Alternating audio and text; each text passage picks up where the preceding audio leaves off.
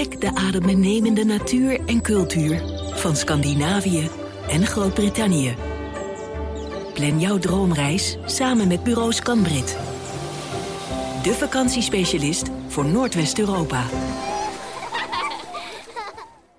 Bureauscanbrit.nl Krijg nou wat. Wie is dat? Dat is John, die weer tegenover me zit hier in de Movie Insider Studio. Welkom terug, jongen. Hele wereldreis achter de kiezen. Nou, dat is een beetje overdreven. Ik eh, was twee keer een weekje in Europa. En ik wil dan wel een beetje rechtzetten waar jij en Jasper het vorige podcast over hadden. Mijn filmpje wat ik eh, in WhatsApp had gestuurd van dat ik live bij Metallica stond. Ja, alsof ik aan de... Nee, ik was niet aan de drugs. Ik was gewoon enthousiast. Jee, eindelijk een keertje Metallica gezien. Maar ik ben maar een weekje weg en... Het lijkt wel, eh, ik weet niet wat er gebeurd is, maar je komt terug hier in Nederland en opeens, hé, hey, zo ziet onze vlag er niet uit. Hello, my name is Jason Blum. We ha- our company is called Blumhouse. You know me from Ma, Get Out, and Split, and you are listening to Movie Insiders.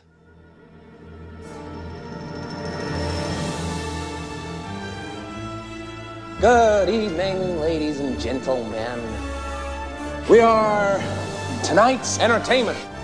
Movie Insiders. They're here.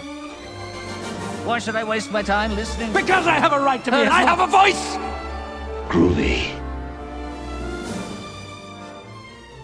Hallo allemaal en welkom bij Movie Insiders, de filmpodcast van Nederland die je vindt op alle welbekende audioplatforms, waaronder Apple, Spotify, waar je ons een rating kan geven. Vind je ons leuk? 5 sterren? Dan zijn we weer beter vindbaar.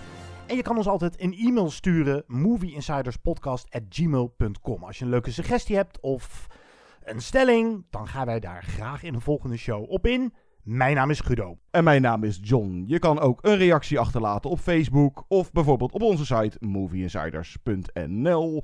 Een hoop titels passeren deze podcast de revue. We doen een blokje wat er op Netflix te zien is, hoewel The Grey Man ook nog heel even in de bioscoop heeft gedraaid. weekje, Ja, ja. nou ja, of misschien draait hij nog net, maar hij staat nu inmiddels op Netflix. En ik geloof dat dat momenteel eh, vanzelfsprekend de grote Netflix-hit is. Maar je hebt ook iets van Persuasion, eh, een Jane Austen. En ik zag eh, de leuke animatiefilm The Sea Beast. Daarnaast in de bioscoop te zien Speak No Evil. Wat gebeurt er als een Deens gezin op bezoek gaat bij een dubieus Nederlandse stel?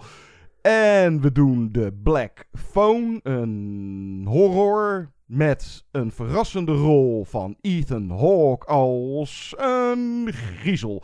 Naar aanleiding daarvan en misschien ook eh, deels naar aanleiding van The Grey Man met nou, Chris Evans in eh, de rol van Bad Guy doen we een top 5 curieuze castingkeuzes. Ik weet niet of jij het ook zo hebt aangepakt, maar dan zowel positief als negatief uitvallend. Soms Paar plusjes, paar Ja. minnetjes. Ja. verrassend van, hé, hey, maar nou, of het in het geval werkt van The Grey Man met Ryan Gosling en Chris Evans, dat hoor je nu. You hurt? I mean, my ego's a little bruised. They have something they really want. What's your gut? It's gonna be my funeral you're going to next. You want to make an omelet? You got to kill some people. You must be Lloyd. What gave it away? The trash stash. It just, it leans Lloyd. Easy.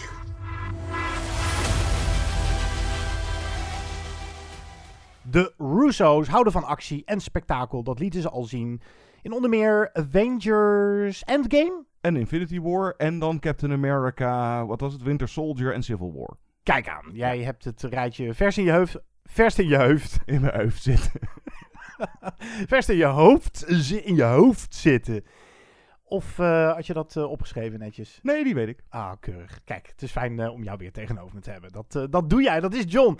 En die komen nu met een niet-superhelden actiefilm. Met onder meer Ryan Gosling. Die speelt Kurt Gentry. Die heeft in het verleden iets stouts gedaan en zit in de gevangenis. Totdat Billy Bob Thornton binnenkomt en zegt: Joh, weet je, als jij lekker bij de CIA komt werken en mensen voor ons omlegt.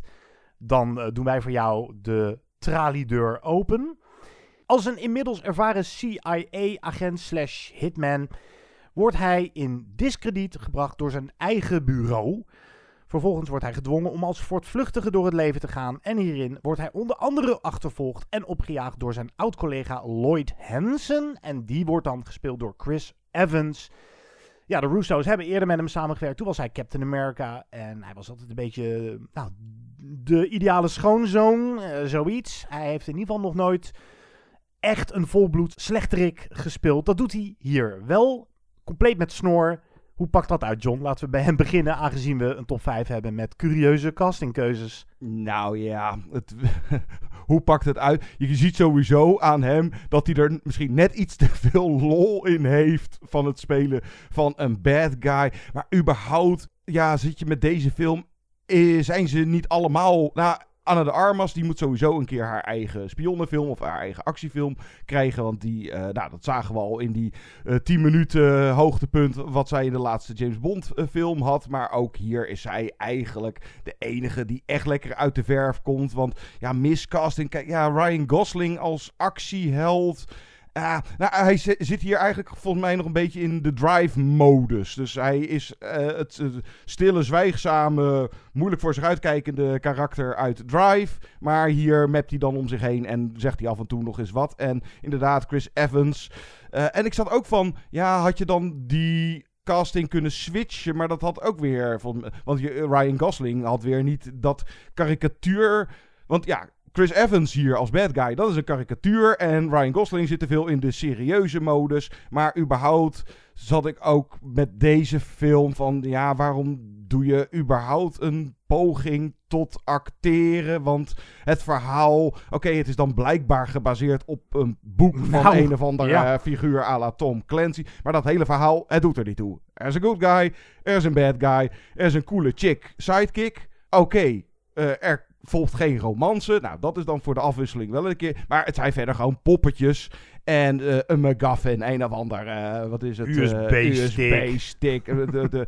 En waar ik me dan nog het meest aan zat te storen, is dat ze praten constant in one-liners. Alleen maar in one-liners. Of alles wordt op die manier uitgesproken. Zelfs als het niet een, eh, coole one-liner is, dan spreken ze het nog op, zeker Chris Evans, uit op een manier alsof het eh, een yippie motherfucker eh, zin moet zijn. En dan zegt hij dat tegen Ryan Gosling. Die moet daar weer overheen. Dus die zegt dan weer iets eh, cools terug of wat dan ook. En dan reageert... Nou, je snapt wat ik bedoel. One-liner, one-liner, one-liner. En dat zijn dan de conversaties. als er al conversaties in zitten. Ja. Weet je, eigenlijk had ik hier wel zin in. Een no-nonsense actiefilm. Zo vaak zie je ze nou ook weer niet. Of het moet weer gelinkt zijn aan een franchise als The Fast and the Furious. Of het betreft superhelden. Of het is Tom Cruise. Het is een van die drie tegenwoordig. En de Russo's willen een over-de-top actiefilm maken. Nou, over-de-top actie genoeg. Er zitten weinig rustmomentjes in. Eh, ze zijn er wel, maar het is redelijk non-stop. Maar waarom maak je er dan vervolgens ehm, zo'n humorloze bedoeling van? Want als Chris Evans moustache twirling zich door deze film werkt en Ryan Gosling zichtbaar moeite heeft om echt de coole actieheld uit te hangen.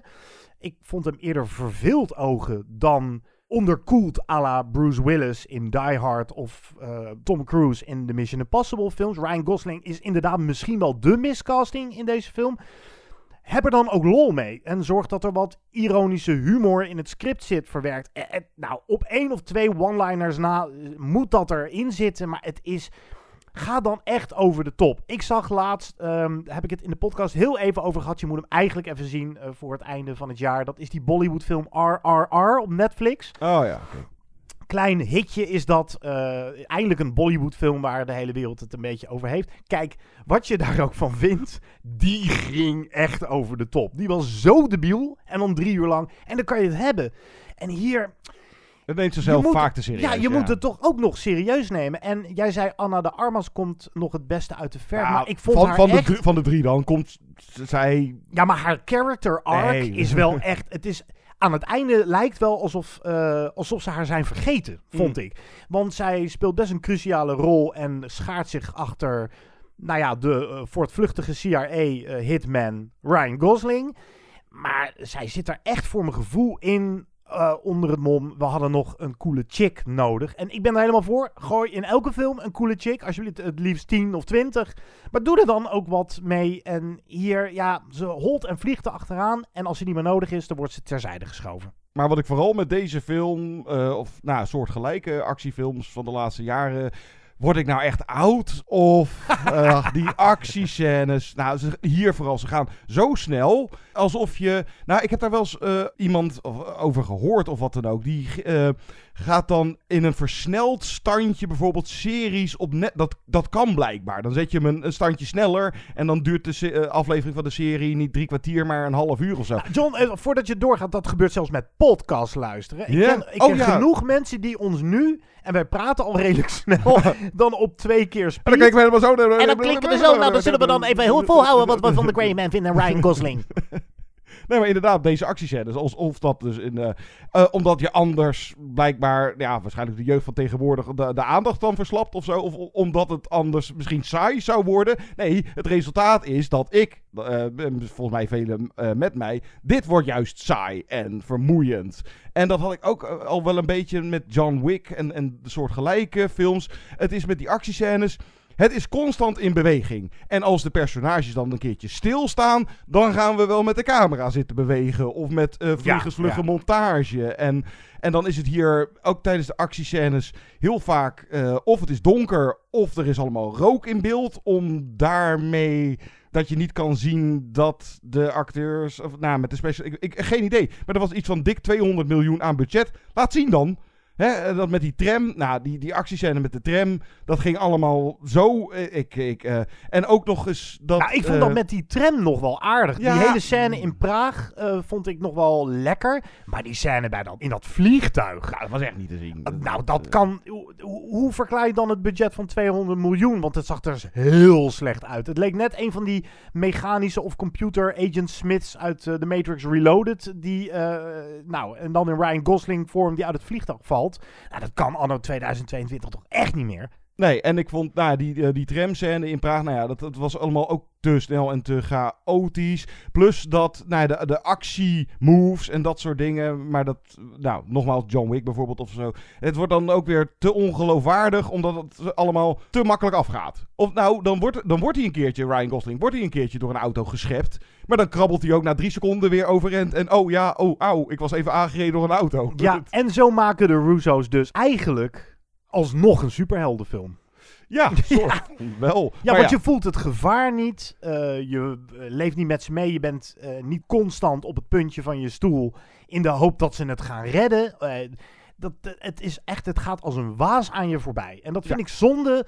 Want de Russo's zijn wel capabele actieregisseurs. Nou ja, ik vraag, ja, nou ja, daar begin ik aan te twijfelen. En ja, dus ik ook... begrijp wel wat je zegt, maar het is, nou, er, er worden slechtere actiescènes in elkaar geschroefd. Dat vond ik in ieder geval, dat hield me nog een beetje op de been. Ja, maar ze zijn allemaal zo inwisselbaar of zo, uh, vergeet maar, want dat is het rent van de ene naar de andere actiescène. En ik vond die actiescènes dus aan zich al niet boeiend genoeg. En mm. alles wat ertussen zit al helemaal niet. En dan krijg je zoals je wel vaker met dit soort uh, films dan uh, ook heel groot in beeld. Nu zijn we hier. We zijn in Berlijn. We zijn in Wenen. Of uh, het, het, rent van de ene naar de andere UNESCO werelderfgoedplek. we noemen de Muppets dat ook weer. Travel by Map. travel by Map. Om het vervolgens gort te schieten. Maar dan al helemaal op een gegeven moment Ryan Gosling is in Wenen. En dat moet dan een safe house zijn. En dat zit, ik was vorig jaar in Wenen in het Hoendertwasser huis. En dat is het meest opvallende huis van, van Daar stop je toch geen safe house in. Nou, Oké, dat soort uh,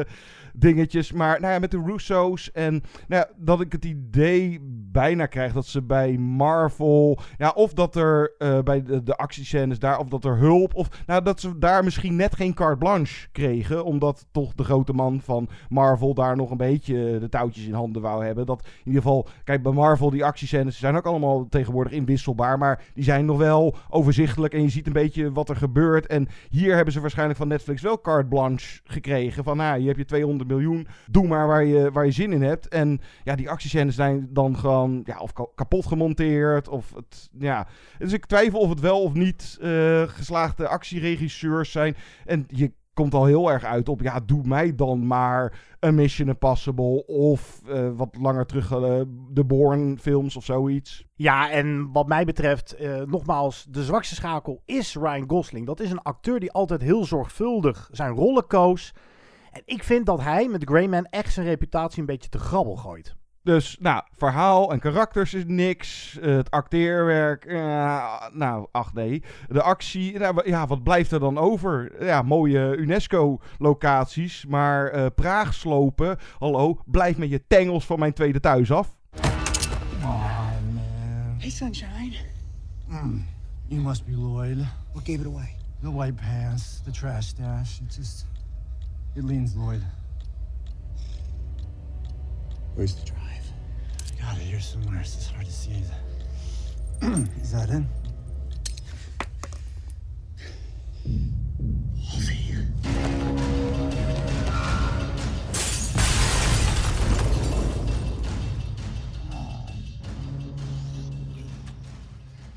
En voor iedereen die momenteel luistert op twee keer podcast speed.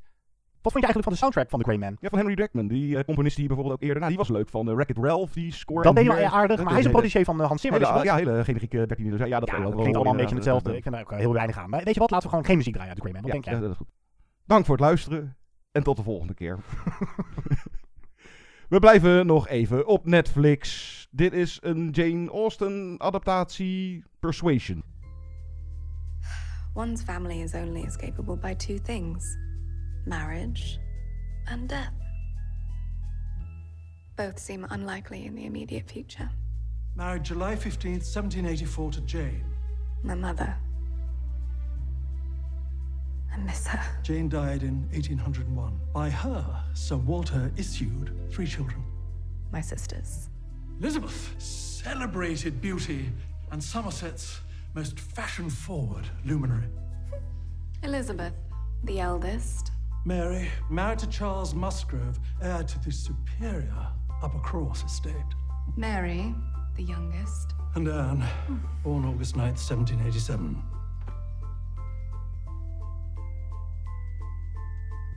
And me, middle child.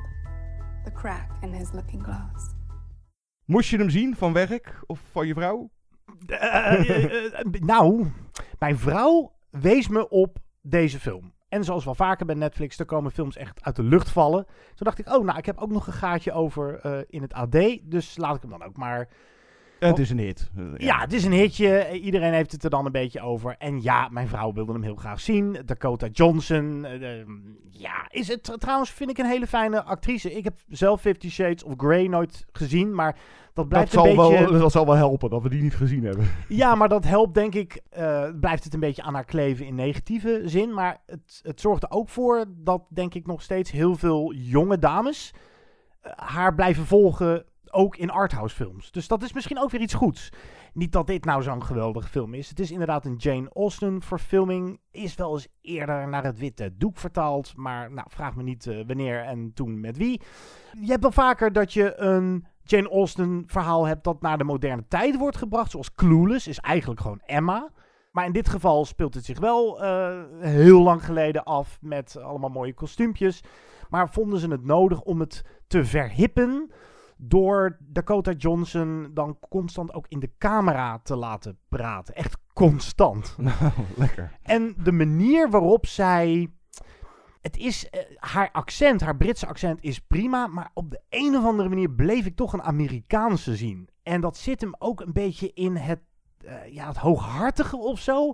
In haar motoriek. En het zit hem ook in de dialoog. En hoe ze die tot leven wekt. Ik had toch constant het gevoel alsof ik naar een influencer eh, zat te kijken. In plaats van iemand die echt uit die tijd eh Dus komt. is Jane Austen voor het social media tijdperk.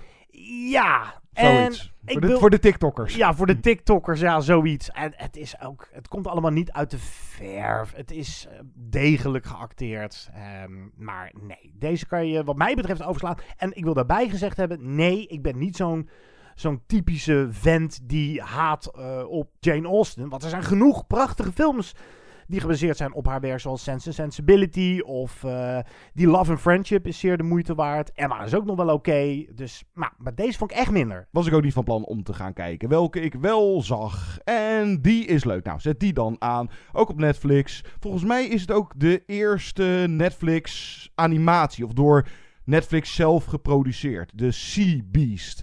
En ik eh, heb hem gepikt van Letterboxd. Daar stond hij eh, als samenvatting. En dit dekt het helemaal. How to Train Your Moana of the Caribbean. Dat is de Sea Beast. het speelt... Weet ik uh, welke eeuw. het is in ieder geval wel een fictieve wereld. Maar het speelt in de tijd met piraten en grote zeemonsters. En nou, er wordt op gejaagd. Die monsters worden afgeslacht. En dan uh, op die manier blijft de zee veilig. Of nou, zoiets. En dan heb je een weesmeisje wat helemaal onder de indruk is van die stoere piraten. En die wil graag mee. En die verschanst zich op het, uh, het schip als ze uitvaren. En dan blijkt zij aan boord. En oh ja, nee, dat is niet helemaal de bedoeling. En dan komen ze in contact met een van die grote zeebeesten. En nou, tada, wat blijkt, die beesten zijn helemaal niet zo kwaadaardig. En dan zit er best nog een aardige boodschap in verwerkt van... oh, nou ja, wie is nou de agressor? Wie heeft deze oorlog tussen mens en dier gestart? En, nou, en verder, het is een uh, mooie, kleurrijke animatie in meerdere opzichten. Er zitten mooie kleurtjes in en er zijn ook veel karakters van kleur. En zij noemt die beest ook, uh, je hebt die, uh, het, grote zeemonster, uh, die is knalrood, die noemt zij Red. En dan krijgt ze nog een heel klein schattig, het idee van een hondje, monstertje, die is blauw, die noemt ze Blue. En, nou, het is gewoon leuke humor zit erin, leuke personages, de actiescènes zijn aardig. Het is gewoon een fijne verrassing. En ja, wat ik zeg, een combinatie van, nou, How to Train Your Dragon en een beetje Moana en Pirates of the Caribbean. Maar allemaal net niet van dat niveau. Het is verder wat je van een animatiefilm voor alle leeftijden een beetje kan verwachten. Voorspelbaar en wat clichés erin. Maar allemaal ach, niet heel erg als je er zo'n plezier aan beleeft. Hij is trouwens van Chris Williams. Die komt uit uh, Disney-stal. Uh, Bolt en uh, Big Hero 6 zijn van hem. Nou, ik ga deze keer aanzetten. Ik ben toch wel nieuwsgierig geworden. Ook deze kwam uit de lucht vallen. What are you going to do? I'm going to kill it. Kill it? How? I don't know. I just get pumped up and uh, kind of wing it. Look, I don't want to overthink this, all right? I'm just going to kill it. I don't know about this. I'm Jacob Holland, remember? Who killed five of them beasts in the span of two days. And this is just another beast. There has to be another way. Afraid not, lass. Well, can you kill it from the inside?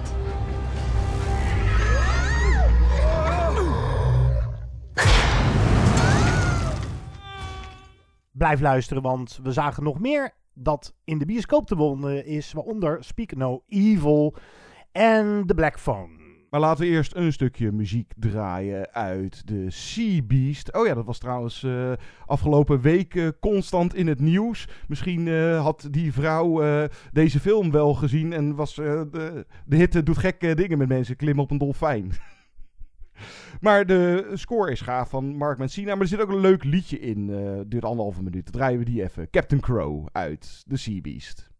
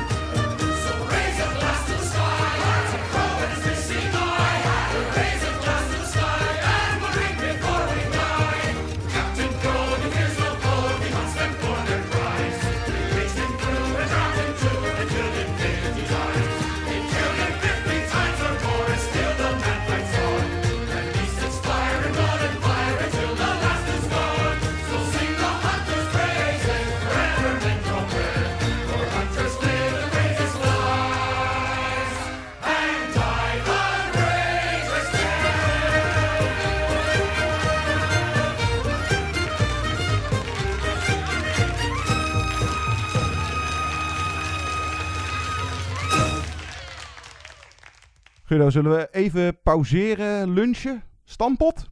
Dit is Speak No Evil. Yeah, you made it! Hey! Sorry for the mess. Oh, it's nothing. It's gonna get much worse. Hi, Abel. Abel has some difficulty speaking. He has what you call congenital aglossia, meaning basically he's born without a tongue. This is the life. Huh? Ah. Oh, Shit. It's good that we have a doctor in the house. I'm not a doctor. But didn't you say you were a doctor? Did I? Oh, I lied. You lied? Jeg tror ikke, jeg synes, jeg er så ret at være. Halvanden dag tilbage, det overlever du nok. One, two, three, four. Speak No Evil is een Deense film van ene Christian Tafdroep. En toen ik deze film zag, dacht ik, nou, dat moet uit een redelijk zieke geest komen. Ik had een interview met de beste man. Echt een van de leukste regisseurs die ik ooit heb ontmoet. Daar zou ik zo mee eh, op vakantie kunnen of eh, een, eh, een weekendje mee kunnen doorbrengen. Maar ja, dan moet ik ook weer denken aan de film die hij maakte. Want dat is precies waar het over gaat. Het gaat over een Deens koppel. Is in Toscane en ontmoet daar een Hollands stel. En dat is leuk, want hey, die worden gespeeld door Vetja van Nuet en Carina Smulders. In het echt ook een echtpaar. En ze hebben een leuke klik, maar they're a bit off. Het lijkt wel alsof ze alles net iets te overdreven aanzetten. Of uh, Vetja van Nuet kan net iets te enthousiast ergens op reageren. En ze hebben er een beetje een gek gevoel bij. En dus is er een lichte aarzeling eenmaal terug van vakantie als zij een uitnodiging van dit Nederlandse stel krijgen. Jongens, kom bij ons een weekendje logeren. In, nou, het is opgenomen in de buurt van Putten, maar ik geloof dat het Limburg moet voorstellen. Oh, Maakt uit. Brabant of zo. Of Brabant, whatever. Dus dat gaan ze doen. En daar begint het al uh, uh, merkwaardig. Dat vond ik echt een geweldig scène. Dat Vetja van Nuet zegt van... Jongens, ik heb wild zwijn bereid. Wil je een stukje? Uh, vraagt hij aan die Deense vrouw.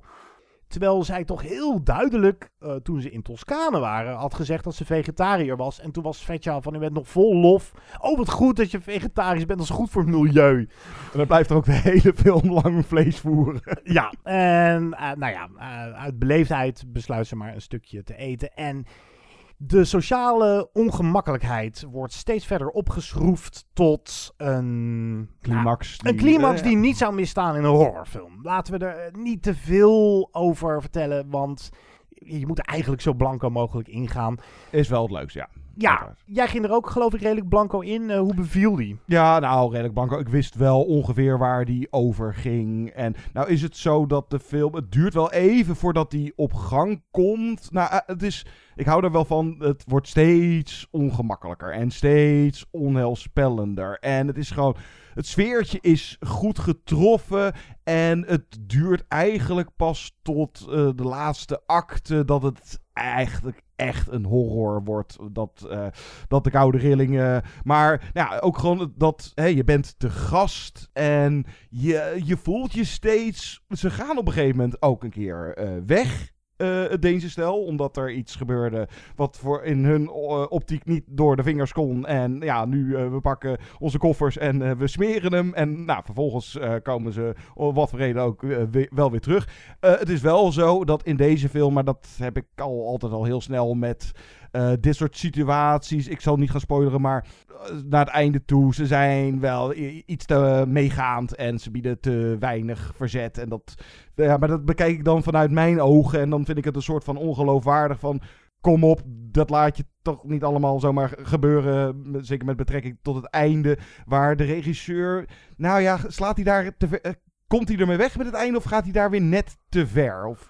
Ik vind dat hij ermee wegkomt. Ik denk dat je niet moet vergeten dat niet iedereen is zoals jij bent. Jij Nee, zou tuurlijk. misschien in verzet zijn gekomen. Het sprak mij heel erg aan, omdat ik van mezelf wel... eh, ik ben een type die graag de goede vrede bewaart, het, eh, het, eh, de, de middenweg opzoekt. En daar had ik het ook met de regisseur over. Als het kwaad tegenover je staat, wat doe je dan? En hij denkt dat eh, een meerderheid van de mensen, en ik zou er waarschijnlijk ook onder eh, vallen, niet keihard in verzet komt, maar eerder denkt ermee weg te komen als je besluit dan maar voor de vorm een beetje vrienden te sluiten met de duivel. Uh, en dan stiekem de benen nemen, zoiets. En daar gaat deze film over. Ik vond het, um, of het in executie een meesterwerk is, dat denk ik niet. Ik denk dat Christian Tafdrup geen Michael Haneke is of zo. Nee, het Al wel- heeft hij wel dit soort vibes, deze film. Ja, ook een beetje van. Trier vibes. En van Trier ja, vibes. en hij heeft hem gewoon goed, eh, hij, is, hij is strak gemaakt. Hij is strak gemaakt hoor, zeker. Maar ik vind vooral in... ehm, ja, gewoon het uitgangspunt vind ik zo sterk. Eh, het, het gaat inderdaad over... Nou, misschien zou je zelfs kunnen afvragen... Wie is hier het kwaad? Als jij steeds alles over je heen laat lopen... en de goede vrede wil bewaren... Wie is dan het evil koppel in deze film? En zij worden hier ervoor gestraft. Dus je moet het ook niet te letterlijk nemen. Het is natuurlijk ook een beetje een metafoor van allegorie, hoe je noemen wil. En eh, wat ik er heel aardig aan vind, is dat je hem kan zien als zwarte comedy. En je kan er echt eh, van giezen. Ik liep echt wel een beetje beduust de bioscoop uit. Ik ging er echt blanco in. En dan, nou, ik zag hem in het ketelhuis. En mijn wandelingetje naar de auto was echt, nou, ik voelde het gewoon een beetje in mijn onderbuik. Dat gat voor, jeetje. Dat is, ja, dat is een tijd geleden dat ik zo, zo somber de bioscoop uit kwam lopen. Terwijl ik een uur geleden ook nog om sommige situaties moest lachen. Dus zo'n film is het ook. Eh, Ik vind het heel knap hoe Christian Tafdroep eh, een, een zwarte comedy, een satire maakt. En daar heel langzamerhand een, eh, een, een buiging, eh, of een, een- het ombuigt slaat naar om. horror. Ja, ja, zeker. Het slaat eh, wel om. En hoe goed zijn Vetja van Uwet en Ja. Carina Smulders, Ja. die doen het echt perfect. Die zijn echt heerlijk creepy. En dan vooral op de, laten we het even de aardige momenten noemen. Als zij, of wat is het, Carina, die tegen dat dochtertje van het ene stel zegt van, ja, je- of ze is ergens aan zitten erger of wat. Dat is niet eng. Nee, het zijn juist op de momenten dat ze zich weer aardig voordoen. Of het proberen weer recht te praten van, ja, maar waarom willen jullie nou weg? Jullie hadden toch zo naar je zin. En dat zijn Zo goed. de momenten Eigenlijk is Carina Smulders nog enger, omdat eh Vetja van Uwet is duidelijk de alfaman van de twee. En die kan ook heel erg tekeer gaan tegen hun zoontje. Maar zij gaat daar heel eng in mee. Ja. En dat maakte haar, zeg maar, de Eva Braun van het stel. Ik, vond het, ik vond het heel eng. Ja, zeker. En er zit nog wel een aardig haakje in dat die Björn, de Deense man, die, ja, ze, leven eh, thuis. Het is allemaal een beetje sleur. En dat je merkt, eh, er zit ook één of twee scènes in dat hij op een gegeven moment. Ze zijn er wel achter van, ja, dit is een beetje dubieus stel, maar hij gaat er nog in mee omdat hij het ook een beetje spannend vindt. Of het Ja, is even een heel beetje een soort uitlaatklep Ja, van juist, hem. Het, ja. eh, maar het is ja, de zwarte humor en dan vooral voor ons Nederlanders dat typisch Nederlands eh stampot. Ja, wil je dat dan niet? Nou, dan krijg je haring of over Nederlandse kaas en treintje Oosterhuis keihard in de auto. Oh ja, treintje Oosterhuis. Ja, er zitten soms een beetje wat van die, eh, wat is het, eh, thriller of horror cliché dingen in. Maar ja, deze film ga je niet voor eh, op zijn Nederlands gezellig met het, met het gezin. Doe dat maar niet. Weet je waar ik eh, heel erg ehm, mee in mijn hoofd bleef zitten? Is dan heb je een keer Vetja van Huet en Carina Smulders in een film met, met echt kloten? Is het een Deense film? Weet je, waarom hebben wij in Nederland niet de, het lef om zo'n soort film te maken? Daar bleef ik eh, mee zitten. Het is geen perfecte film, maar ik vond het wel een van de verrassingen van het jaar. En ehm, een film die mij ook aansprak als jonge vader, omdat het gaat over het onvermogen om je gezin te beschermen vanwege eh, sociale omgangsvormen die we nu eenmaal als voorzichtige etiketten in de westerse wereld eh, hebben. Ja, dit, dit bleef wel even nazoomen. Nog meer horror. Sowieso veel horror viel me op dit jaar. Ring, ring. Dit is de Black Phone. Tell me your name. Taylor.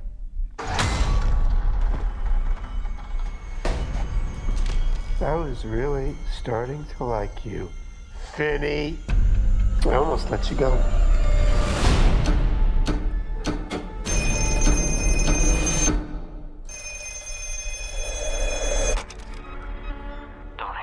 Who are you? You know all our names? It doesn't work. Hang it up. Eind jaren 70 wordt de verlegen maar slimme 13-jarige Finny ontvoerd door de sadistische Grabber en opgesloten in een geluidsdichte kelder. De situatie lijkt hopeloos totdat de kapotte Black Phone aan de muur ineens rinkelt en hij de stemmen van eerdere slachtoffers van de moordenaar kan horen. Zij proberen hem te helpen ontsnappen, zodat hem niet hetzelfde overkomt. Regisseur Scott Derrickson keert na zijn Marvel-klus Doctor Strange terug naar het horrorgenre en Ethan Hawke zagen we, voor zover ik weet, niet eerder in zo'n rol. Guido heeft de film naast die casting verder nog wat origineels te bieden. Ik dacht heel lang van wel. En dat is een beetje de makke van de Black Phone. Ik heb me uitstekend vermaakt. Het is een lekkere horrorfilm. En eh, goed geregisseerd, prima geacteerd. Maar er wordt gesuggereerd dat er iets ehm, meer achter zit. Dat er misschien een twist aan zit te komen. En uiteindelijk is het toch een beetje een recht toe recht aan horrorfilm. Dat, ik weet niet of jij dat ook had. En ook een beetje een horrorfilm waarin ik wel ehm, wat regels had willen zien. Want het, Ja. is, het, het is een beetje... Waarom is er een telefoon daar beneden? Wat zijn de beweegredenen van de killer? En er is iets met eh, dromen en dat je in dromen signalen krijgt die je misschien kunnen verder helpen. Het is een beetje een potpourri van verschillende ideetjes die eh, niet geweldig samenkomen. Ja, en moet dat allemaal dan uitgelegd worden? Ja, het was gewoon zo'n gevalletje van... Oké, nou, dat gegeven heb ik volgens mij... eh, daarom heet de film ook de Black Phone. eh, heb ik niet eerder gezien. Hè, een kapotte telefoon. En daardoor hoor je dan de stemmen van... Dat is wel origineel gevonden, Ja, ja, en dan is het natuurlijk zo van... Je moet even... Noem je dat? Suspension of disbelief. hè, je moet het gewoon accepteren van... Oké, nou, dat is nou eenmaal zo. En dat inderdaad zijn zusje... Die is ja, paranormaal begaafd. Of die in ieder geval die zit in, ziet in haar dromen.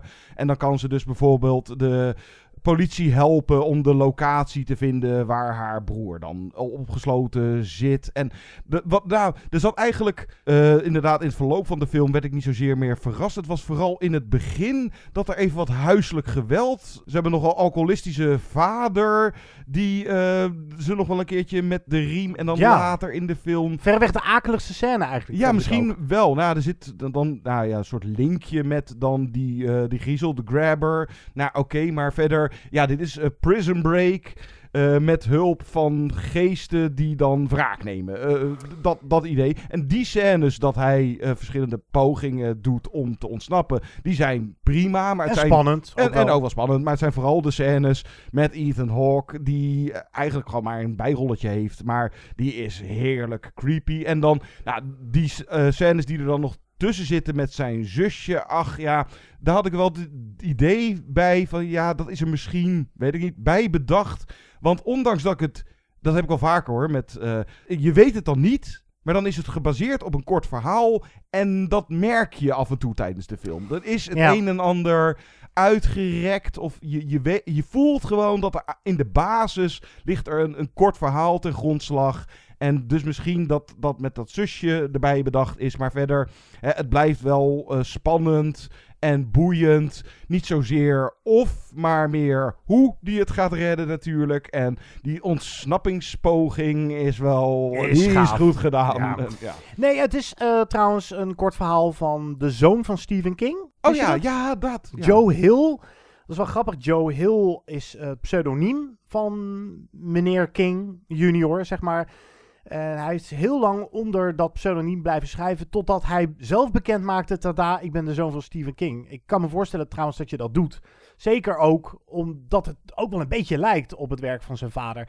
Het verraste mij eh, niet om te lezen dat het in ieder geval in de King-familie zat. Want ik kreeg er al een hele tijd al tijdens de film een Stephen King gevoel. En ik wist het niet van tevoren.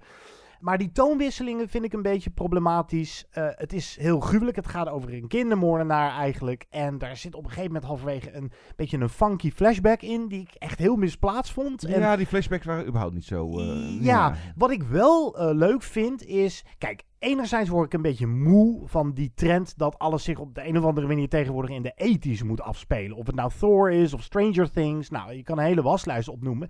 Maar hier had ik wel het gevoel van ja, het had echt oprecht een film uit de ethisch kunnen zijn, bijna. Ja, en het moest, moest ook haast wel, want uh, anders ja, had dit niet gekund zo met zo'n oude telefoon. En, dus het was ook, is ook zo. logisch. Ja. Dat het, ja. ja, en over Ethan Hawke, um, wat we erbij moeten zeggen, is dat hij uh, eigenlijk 90% achter een masker acteert. Of De, deels, ja. Hij heeft deels dus, verschillende maskers ja. ook, maar ik vind het toch goed dat ze ervoor hebben gekozen om er een, een, een, nou, een klassebak van een acteur tegenaan uh, te zetten. Of, uh, door zo'n masker heen acteert. Ja, ja, zijn stem. Hij doet hele gekke dingen met zijn stem. Postuur ook een beetje. Motoriek. Ja. Het is toch wel echt een acteerprestatie van iemand die je normaal niet in zo'n rol ziet. Dus gedenkwaardige griezel. Nou, hij zal niet in het rijtje ja. komen met een uh, Freddy of een Jigsaw. Of het, nou ja, misschien. Het is een beetje Soul met kids, dit. Ja. Een beetje wel. Maar ik vond hem gedenkwaardig. En ik kreeg ook wel echt de koude rillingen van hem. Dus dat is vooral een compliment aan Ethan Hawke. En voor de rest is, ja, wat ik al zei, ik verwachtte er meer van. Als je een high concept hebt van iemand die vastzit en er gaat een telefoon af en je krijgt um, via die telefoon aanwijzingen over hoe je jezelf uit die situatie kan redden. Verwacht je dat er meer. Maar, maar dat was het gewoon. Ja. Hij krijgt gewoon aanwijzingen via die telefoon van die dode kids. En dat was het. Ja, en dat, dan redt hij het of niet. En dat, dat het platter is dan wordt gesuggereerd in het begin, vond ik een beetje jammer. Maar misschien heb ik te veel horrorfilms de laatste tijd gezien. Die elevated horror movies. Die eigenlijk een, een grotere context of een bredere context hebben. Dat ze eigenlijk stiekem over een sociaal-maatschappelijk thema gaan. En dat is hier gewoon niet het geval. Nee, het, is, het is redelijk recht toe recht aan. Ja, het, uh, of het wil hooguit iets uh, over huiselijk geweld. Maar nou, dat komt dan ook niet helemaal uit de verf. Het is vooral Ethan Hawke in een rol. Verrassend. Uh, curieuze castingkeuzes. Die top 5 gaan we zo doen. Eerst even kort een stukje van nou, de creepy score van Mark Corvin. Die naam zei me al wat. En toen ging ik kijken van, oh ja, die deden muziek van die Robert Eggers films. Uh, The Witch en The Lighthouse. En ja, dit is ook wel uh, iets aparts. Tot zo bij de top 5.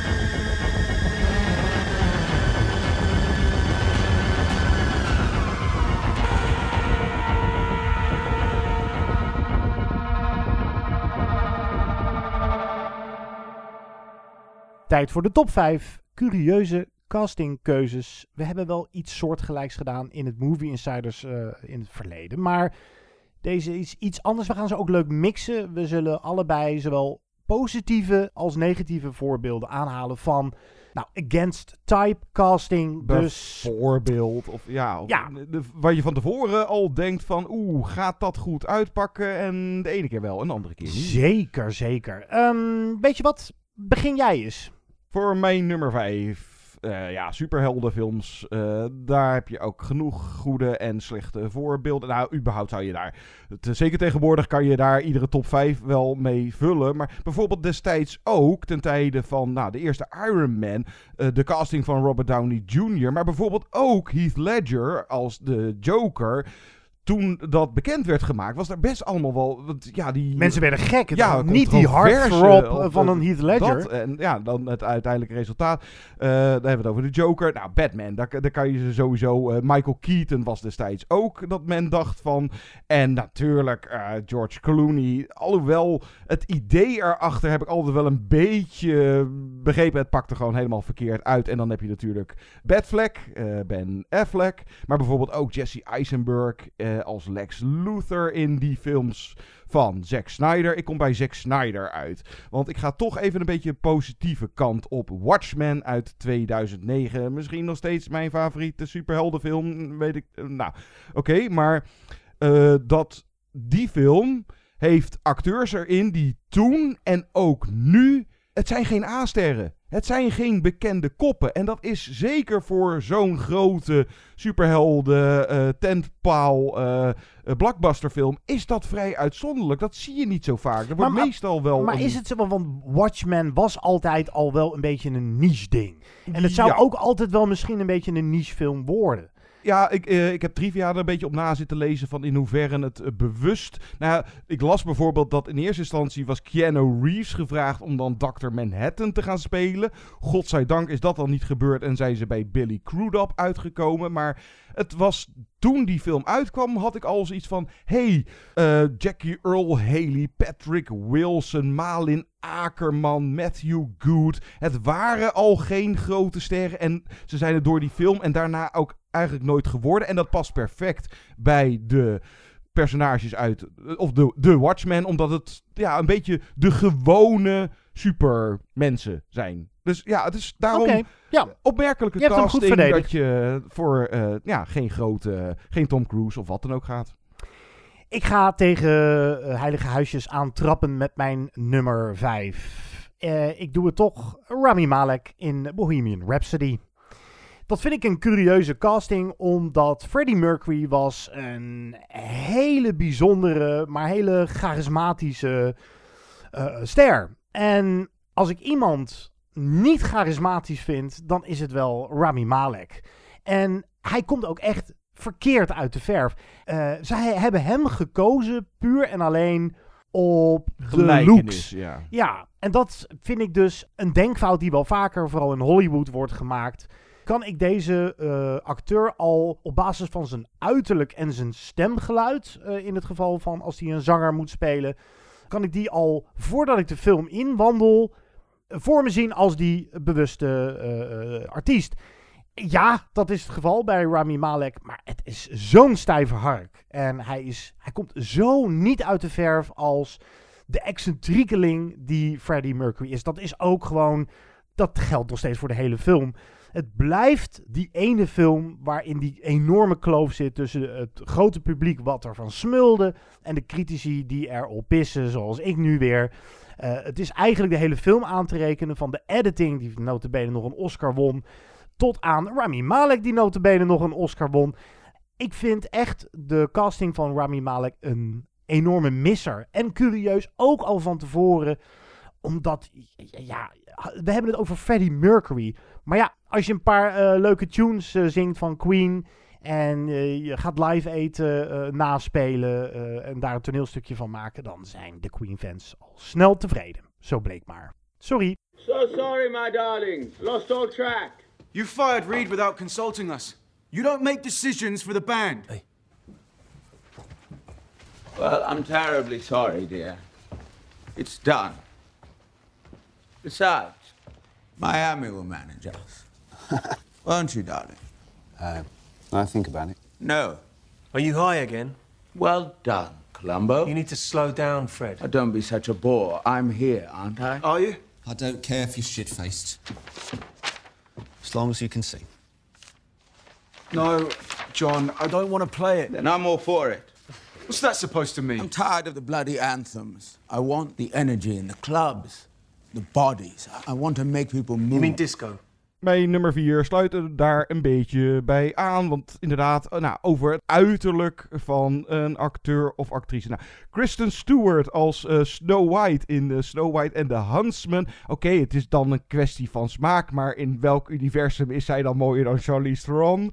Eh, dan hebben we het over Charlize. Ik ga niet weer... Ik zou er wel voor kunnen gaan. Maar Monster, dat is natuurlijk ook grotendeels door de geweldige make-up. Hoe ze haar in Eileen Wuornos, die serie seriemoordenares veranderde. Die make-up die trouwens niet eens een Oscar-nominatie scoorde. Charlize won zeer terecht wel eh, de Oscar voor haar acteerprestatie. Maar dan zou je het kunnen hebben over de opmerkelijke keuze om voor zo'n aantrekkelijke actrice, dus haar looks, en om er dan op die manier, maar ja, dat, eh, daar kwam die film goed, zeer goed mee weg.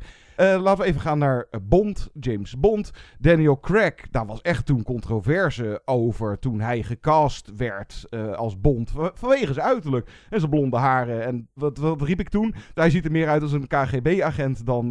maar het resultaat was natuurlijk... Wauw, het is misschien wel de beste Bond-vertolker die we ooit hebben gehad. Maar als we dan toch bij eh, Bond zijn... Denise Richards in the world Oh, ja. is not enough. Wacht even, het, het niet zeggen. Ik probeerde op te komen De hoe, naam. oh, hoe zij heet inderdaad. Haar pers iets met Christmas. eh, Dr. Christmas Jones. Christmas Zij- Jones. zij is dan een nucleair fysicus. Hoe kom je erop? Ja, ik zit me dus serieus nog steeds af te vragen van hebben de makers dat echt... Was het gewoon een grap en hebben ze dat gewoon bewust gedaan? Maar inderdaad, je suspension of disbelief. Maar dan nog, zij, zij loopt in beeld en nee, nee, dit, dat kan gewoon niet. Misschien is ze in het echte leven een hartstikke intelligente meid, geen idee. Maar ze heeft gewoon op basis van haar reputatie, haar acteercarrière tot dat punt. Plus dat hoofd heb ik gewoon het gevoel van, die komt de eerste ronde van Weekend Millionaires niet door. Sorry, dat is... Ja. Ja. En dan is het met, met The World Is Not Enough, hè, een nucleair fysicus. Nou, ze hebben er nog net geen bril op gezet. Terwijl ik echt zoiets had van, je had echt nou, bijna iedere andere actrice eh, een beetje, in ieder geval meer geloofwaardig. Dit was echt een van de meest curieuze castingkeuzes. eh. nou ja, wat was het? Eind jaren negentig. Zo'n Julianne Moore of Kate Blanchett. Nou, die hadden ook nee gezegd waarschijnlijk. Maar had in ieder geval een actrice genomen die er niet zo uitzag als Denise Richards. Sowieso eh, die hele film toch? Ja, het is wel een van de allerminste bonds. Ja, denk ik ook. Are you here for a reason? Or are you just hoping for a glimmer? And you are? Mikhail Arkos, Russian Atomic Energy Department. Miss.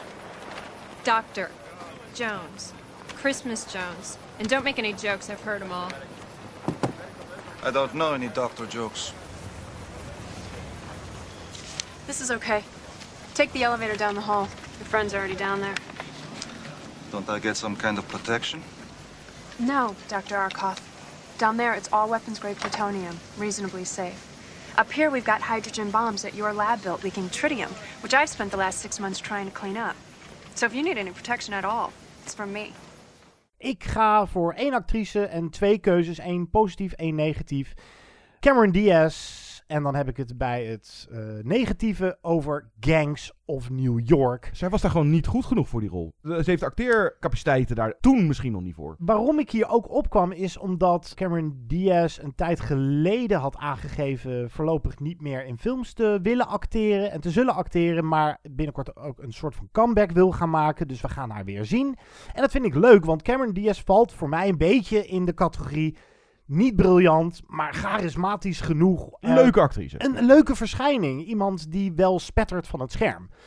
En daardoor heel erg, eh, daarom ook heel erg geschikt voor nou, eh, alle films zo'n beetje waarin ze zat. Maar waarom Martin Scorsese akkoord ging eh, of eh, goedkeuring gaf aan het laten spelen van zijn protagonisten door Cameron Diaz is mij nog steeds een raadsel. Het is lullig om te zeggen, maar de reden waarom Gangs of New York misschien wel niet eens ook de Oscar won dat jaar. eh, en geen meesterwerk is. en geen meesterwerk is, is vanwege haar. Ik vond Leonardo DiCaprio ook al niet geweldig. Het is natuurlijk de film van Daniel Day-Lewis. Maar Cameron Diaz, eigenlijk brengt zij een beetje de film om zeep. Zij is gewoon niet goed genoeg, inderdaad. Ja. En, maar Ze is- nou, slecht zou je misschien ook weer net niet zeggen. Het, is, ze, Nou. doet niet, ze doet haar best. Maar Ze doet haar best. Ze, ze kon eh, het op dat. Maar ze Nee, maar heeft daarna soms- wel betere dramatische Ja, rollen, nee, eh, da- ja. Daar, daar kom ik natuurlijk zo op uit, want eh, er is ook een goed voorbeeld van. Maar ik wil nog wel even gezegd hebben dat je bij Cameron Diaz en Gangs of New York, je ziet haar haar best doen. Het lijkt wel alsof je constant een actrice in beeld ziet die zich bewust is van eh, het feit dat ze in een eh, prestigieuze Martin Scorsese film is beland. Ja, dat werkt niet goed. Maar ze is ook een keer geheel against type gecast in Being John Malkovich. En daar pakte het weer wel heel goed uit. Zij was altijd Hollywood darling, een van de knapste vrouwen ter wereld. En ze De- werd lelijk in Being John Malkovich Ja. met een grote bos haar. Die en- trouwens is voor Gangs of New York nog. Ja, ja. dat is waar. Is het niet uit ja, nee, Ja. 99 Ja, en, en 2000? Gangs of New York is 2000 hupseflups. Misschien dat het een beetje gelijktijdig was. Het, ik, ik kan me niet voorstellen dat op basis van Being John Malkovich... dat zij in Gangs of New York belanden. Nee, dat denk ik ook niet. Maar nou, dat zou ik op moeten nalezen. Maar ik ben altijd helemaal voor een acteur in een rol zetten... waarvan je je afvraagt of dat goed gaat uitpakken. Maar ja, als het fout uitpakt, dan kan je dus echt een smetvlek zijn... op verder een prima film als Gangs of New York. Dus dat is mijn nummer 4.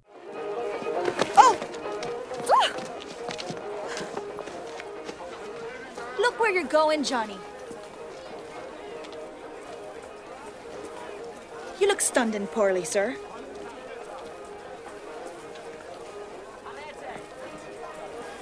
Quite a pair of conversationists, aren't you? Maybe not. We're deep thinkers. well, gentlemen, I leave you in the grace and favor of the Lord. Nummer 3. Against type casting. Ik ga even de bekende vermijden. Tom Hanks, Tom Cruise, Jim Carrey, Robin Williams, Heath Ledger toen ook. Maar deze vind ik wel echt een van de meest opmerkelijke van de laatste nou, 10, eh, 20 jaar. Jonah Hill in Moneyball uit 2011. Van regisseur Bennett Miller, die bijna hetzelfde deed met Steve Carell in Foxcatcher. Maar Jonah Hill, eh, nou ja, hij had daarvoor nog niet zo heel veel gedaan. Maar hij was inmiddels bekend als dat eh olijke, stevige jong uit eh, Superbad. En wauw, maar die heeft ook echt een carrière switch gemaakt toen. Die ging opeens van comedy naar, nou ja, niet alleen maar drama, maar in ieder geval eh, wat meer rollen van betekenis. Hij scoorde er zeer terecht een Oscar-nominatie voor. Kreeg later nog een Oscar-nominatie voor zijn bijrol in The Wolf of Wall Street.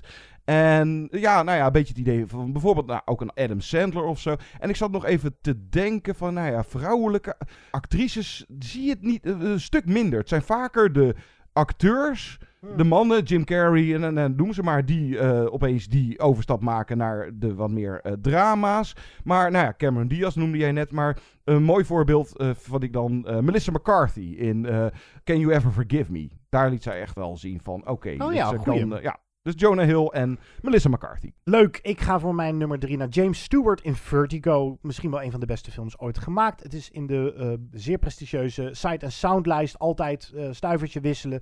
Of Citizen Kane staat op 1, of Vertigo op nummer 1. En inmiddels ja, halen we onze schouders op als ik eh, zeg... eh, goh, opmerkelijk James Stewart in Vertigo. Want hij wordt geassocieerd met die film en terecht, hij is briljant. Maar toen was het een curieuze casting. Omdat James Stewart echt bekend stond als...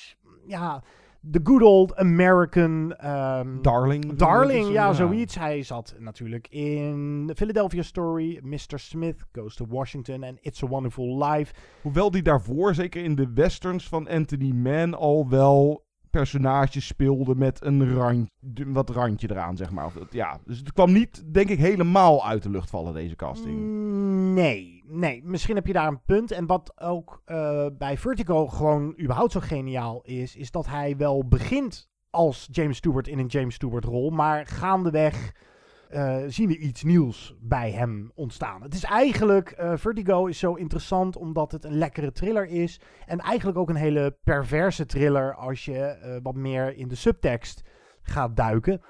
Eh, daar moet, moet je de film zien als je dat nog niet hebt gedaan. eh, zet deze podcast alsjeblieft uit en ga hem aanzetten. Want ik kan me niet voorstellen dat dat een tegenvaller is als je hem voor het eerst nu zou kijken. Maar het was toen curieus. Ehm, ja, je, je wijst me een beetje terecht op de westerns inderdaad. Maar het was toch... Moet het voor heel veel mensen even schrikken zijn geweest toen ze Vertigo zagen met, eh, met meneer Stewart. Geniale acteur in een geniale film.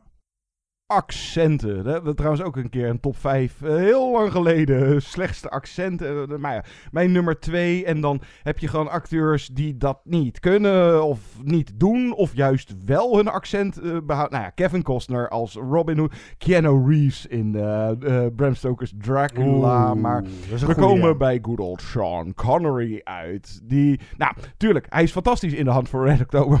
Maar hij moet dan een Rus. Hij, is een Russische uh, die gewoon zijn Schotse accent uh, behoudt. Maar nou, ik kom uit bij Highlander uit 1986. Het gaat over een onsterfelijke Schotse zwaardvechter. Nou, toen dat bekend werd gemaakt en Sean Connery speelt erin.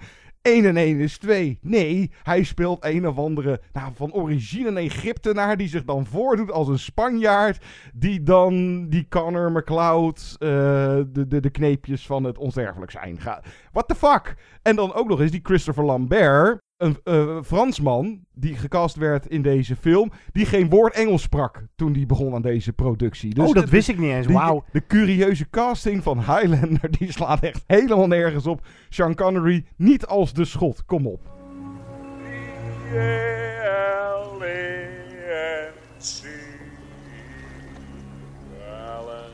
I don't like boats, I don't like water. I'm a man, not a fish. So you complain endlessly. You look like a woman, you stupid haggis. Haggis? What is haggis? Sheep stomach stuffed with meat and barley. And what do you do with it? You eat it. How revolting. Be still, for God's sake. You'll tip us over. So? I cannot swim, you Spanish peacock. I'm not Spanish, I'm Egyptian. You said you were from Spain. You're a liar. You have the manners of a goat. You smell like a dung. Mijn nummer 2 is toch Tom Hanks in Road to Perdition. En ook, ik worstel nog steeds met het vraagstuk of hij echt goed is in Road to Perdition. Ja, het gaat ook over een, een warmbloedig mens als je de buitenkant wegstript. En uiteindelijk iemand die geeft om zijn zoon. En dat is weer wel heel erg Tom Hanks. Maar hij speelt in Road to Perdition snoeiharde gangster. Die wordt ingehuurd door Paul Newman als gangsterbaas. Wat ook against typecasting misschien wel uh, is. En Jude Law. En Jude Law. Dus daarom dat ik hier toch voor koos. Omdat de hele film zit vol met acteurs in nou, rollen waar je ze zeker niet zo in verwacht. Wat vind jij van Tom Hanks in Road to Perdition? Is... Ja, ja, goed. Maar inderdaad, uh, zodra je erbij stil gaat staan dat hij dus een geharde gangster dan matcht het weer niet. Maar de focus van de film ligt daar niet zo op. Of het, het, lijkt het redelijk te vergeten tijdens de film. Zo van ja, oh, het is inderdaad Tom Hanks, toch de vaderfiguur die. Nou, we hebben het eerder over Tom Hanks gehad. En dat als je Tom Hanks ziet in beeld, dan ben je al. krijg je het al warm van binnen of zo. Dan heb je het gevoel van, ah, we zijn in, goeie, in handen ja. van een good guy. Ja. Dus ik vind het wel heel dapper dat hij het heeft gedaan. Het is heel dapper om hem ook daarvoor te vragen en dat het hem is geworden. Maar ik vind uiteindelijk zou je kunnen zeggen dat de warmbloedige kant van zijn personage in Road to Perdition beter uit de verf komt dan de ijskoude killerkant.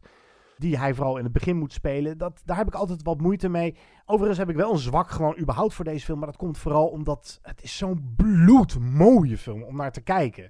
Overigens, uh, Daniel Craig zit er ook in. Misschien ook wel Against Tide. Nou dat was wel voor Bond en zo. Maar um, ja, Tom Hanks, die later ook nog uh, heel maf deed in The Lady Killers. In een van de mindere films van de Coen Brothers. Uh, hij heeft wel wat, nou gewaagde is een groot woord, keuzes gemaakt. Maar hij is daarna toch weer in de klassieke Hanks-rollen gaan zitten. Meestal wel, ja. En dat is misschien toch uh, wel verstandiger. Dus dit is en positief en negatief een beetje. Een beetje midden. Read this. Connor's been stealing from you for years. He's kept accounts open under the names of dead men. Men like the McGoverns. I stood there and helped him kill Finn to line his own pockets. I thought I was working for you. But I wasn't. You think I'd give up my son? He was betraying you. I know. Dan voor mijn nummer 1, wat toch ja, de meeste discussie altijd oplevert. Of waar altijd direct zo van, oh ja, dat is curieus qua casting. Dan heb je het over whitewashing. Ik gooi nog even snel wat eh, eervolle vermeldingen. Nou, Johnny Depp als eh, Tonto in The Lone Ranger. Eh, Scarlett Johansson, Ghost in the Shell. die hele cast van The Last S-Bender van Shyamalan. Vooral als blanke Aziaten moeten spelen. Nou ja, je had Mickey Rooney, Mr. Go Right in Breakfast at Tiffany. Maar ja, ik had er ooit wel... Mar- Marlon Brando heeft blijkbaar ook ooit een keer... Ik weet even de naam van die film niet meer. Maar die heeft ook een keer een Japanner gespeeld. En die kwam daar dan geloof ik nog wel mee weg, omdat het Marlon Brando is. Maar ja, dit moest nummer 1 zijn. De All-American Cowboy, John Wayne. Als Genghis Khan in The Conqueror uit eh Hoe kom je erop, hè? 56, inderdaad. Hoe kom je erop? Maar, nou, en dan bij hem hebben ze dan nog een, ja, zo'n zo'n zo'n Aziatisch snorretje en een beetje iets met zijn ogen gedaan. Maar dan heb je de heel erg blanke, roodharige Susan Hayward. Die speelt dan zijn vrouw. Dat, dat, nou, daar is helemaal niks aan gedaan. Die hadden zoiets van, oké, die speelt dat. En plus, dit is zo'n film... Daar moet je eigenlijk gewoon alleen maar trivia over lezen. Het werd dan opgenomen op waar nucleaire testen zijn eh, eh, geweest.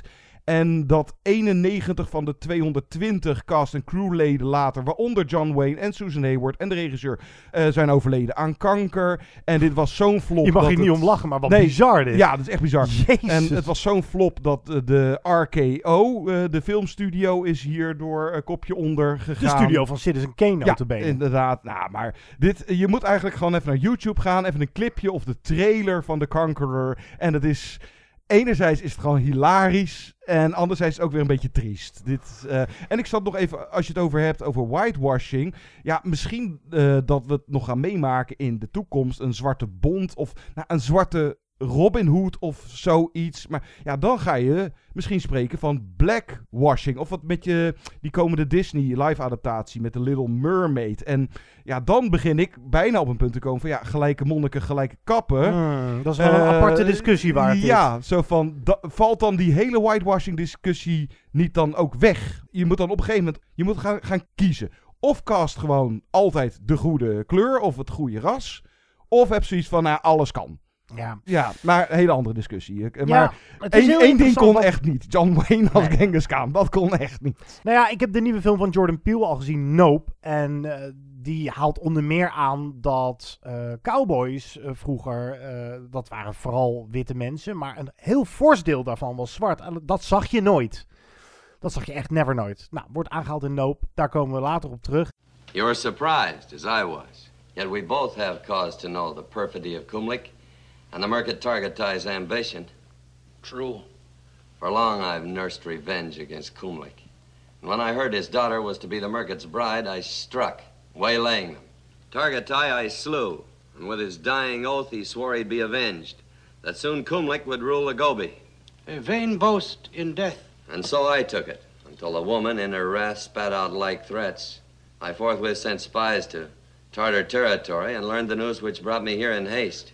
Ik heb ook op nummer 1 het fenomeen whitewashing. Dat heb ik ook. En ook allerlei voorbeelden opgeschreven. Gelukkig eh, heb jij niet al het gras voor mijn voeten weggemaaid. Want Ben Affleck in Argo moet een was in het echt een Spanjaard. Tilda Swinton in Doctor Strange moest een Aziatische voorstellen.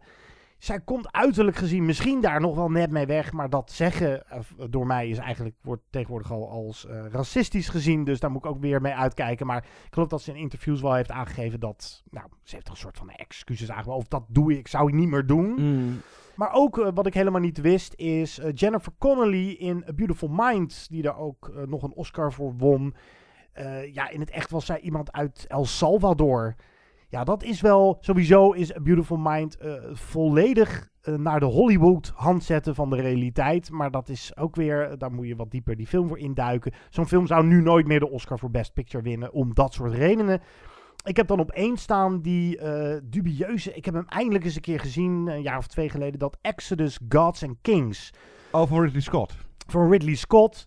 Dat is echt een lelijk gemaakte film, lelijk geacteerde film. En dan, ja, het is het, het verhaal van onder meer Mozes en de Rode Zee. Maar dan met Christian Bale onder meer. Nou, dat was de- en dat was eigenlijk vooral eh, dubieus, omdat die discussie over whitewashing. En dat was al in volle gang. En toen kwam dat Exodus Gods and Kings er nog eens overheen. Datzelfde geldt trouwens ook voor inderdaad Scarlett Johansson in Ghost in the Shell. Ja, dat was kijk- te midden van die hele discussie, Ja. kwam die film uit. Ja. Oei. Ja, en dan was het in dat geval natuurlijk zo van, kijk, in het origineel is het een Japanse, maar zij hebben, nou, het is in ieder geval met Scarjo in Ghost in the Shell, dat zij daarin, ze speelt geen Japanse karakter, geloof ik. Dus dat, maar ja, überhaupt die eh, discussies. eh, Gaan we nog wel een keer Ja. eh, behandelen. Even een paar eervolle vermeldingen. Eh, hoe kom je erop? Robert De Niro als eh, Monster of Frankenstein. Ah, ja. In Mary Shelley's Frankenstein van Kenneth Branagh. En Tom Cruise als bad guy in Collateral. Dat pakte heel goed uit. Ik vind dat een van zijn beste rollen En misschien wel. Interview with the Vampire, ja. Die Oh, ja, nog, ja. wat is het, een jaar terug of zo, hebben we die gerewind. Nou, daar kwam die eigenlijk best nog wel mee weg. Zeker. En ik, ik heb dan nog, eh, dat vind ik echt ook een... Dit is ook bizar. Ja, kom er maar op. We hebben het vaker geroepen in deze top 5. Maar Patrick Stewart als eh bendeleider van een, een, een zootje skinheads in Green Room. Die kwam ik tijdens mijn research weer tegen. Ik dacht, oh ja, dat is, nou ja zeg, Patrick Stewart. Maar ja, eh, overigens een ondergewaardeerde film. Die moet je zien, Green Room. Hebben we ook besproken, geloof ik, in de Eh, podcast. weet toch? ik niet helemaal zeker. Het Oh, zou, va- zou vast kunnen. Ach, Het, eh, ja. nou ja, puntje, puntje, puntje. Dan als actieheld of juist als bad guy. En ik zat nog even met leeftijd of leeftijdsverschillen. Of dan als love interest Humphrey Bogart in Sabrina. Ja. het leeftijdsverschil met Audrey Hepburn. Hepburn, maar ook ja. hij als dan de love interest van, van haar. Eh, en plus, eh, ja, als een acteur of actrice niet kan zingen, dan moet je hem niet voor een musical casten. Russell Crowe voor Les Miserables. Of ik geloof ook Emma Watson voor Beauty and the Beast. Die hebben ze ook helemaal gesounddubbed. Zo van, die kon gewoon niet goed genoeg zingen. En nog even een positief voorbeeld die mijn lijstje uiteindelijk net niet redde. Dat was toen ook een hele hoop poeha en weet ik wat. Maar Renee Zellweger heeft Bridget Jones wel echt... Echt Ja, geneeld. Ja, Ja. ja. zeker.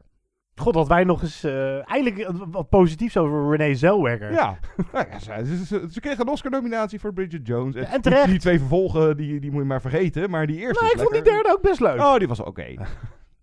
Deze podcast is ten einde. Dit was de top 5 curieuze castingkeuzes. Nou, we hebben er een hele hoop genoemd, maar zijn we nog hele gave voorbeelden vergeten? Laat het ons vooral weten. Geef bijvoorbeeld een reactie op onze site movieinsiders.nl. Je kan van je laten horen op Facebook, Instagram, Twitter, at movieinsight. Je kan deze podcast beluisteren via Spotify en Apple. Langer verhaal, movieinsiderspodcast.gmail.com. De eerstvolgende podcast weten we zoals de laatste jaar gebruikelijk weten we nog niet helemaal exact. Nou, sowieso gaan we wel één deze weken. Eh, want ja, die rechtszaak van Kevin Spacey is gaande. Het, eh, ik weet niet of daar snel een eh, einde duidelijk is. Maar we gaan in ieder geval LA Confidential terugspoelen. Want die bestaat 25 jaar. Ja, en ergens leuk. volgende maand wordt Ben Affleck wordt 50 jaar. We zochten een aanleiding, want we willen ook eindelijk een keertje Good Will Hunting terugspoelen. En uit datzelfde jaar, ook 25 jaar oud. En die wordt interessant. Chasing Amy van Kevin Smith. Want is dat een van de titels? Misschien kunnen we er daar een, wat meerdere titels of een top 5 van maken. Die nu echt niet meer kunnen. Vanwege De dubieuze humor. Ja, of, en ja, de- ja, ja, nou, ja, dat. eh, Heel interessant. Chasing Amy sowieso wil ik die weer eens zien. Ja. Ik was daar toen weg van. En ja, zoals het eh, een beetje de trend voorschrijft. eh, je mag soms niet meer eh, roepen dat je fan bent van een film die nu niet meer zou kunnen. Maar daar gaan we dieper op in in zo'n volgende podcast. Dus keer snel terug. Ja, het Bullet Train, dat is een film met Brad Pitt die uitkomt. Brad Pitt weer eens eh, in een... Is dat zijn eh, eerste ja. rol sinds Once Upon a Time in Hollywood? eh, dat zou goed kunnen, ja. Hij is vooral bezig met produceren. Hè? Hij heeft dat A24 is volgens mij van hem. Zeg ik dat, zeg ik dat goed? Geen idee. Oh jeetje. Ja. Nou, misschien maak ik een uh, gruwelijke fout nu. We gaan eruit met lekkere filmmuziek uit Road to Perdition. Die voorbij kwam in mijn top 5 curieuze castingkeuzes. En prachtige muziek van Thomas Newman. Tot de volgende keer. Tot dan.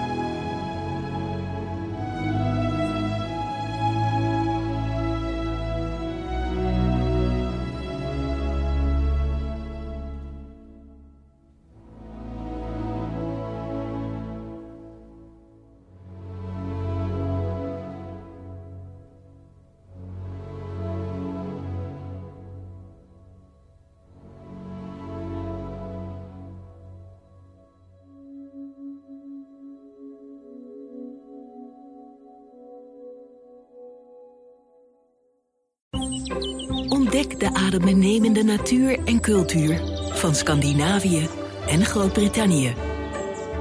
Plan jouw droomreis samen met Bureau Scanbrit. De vakantiespecialist voor Noordwest-Europa.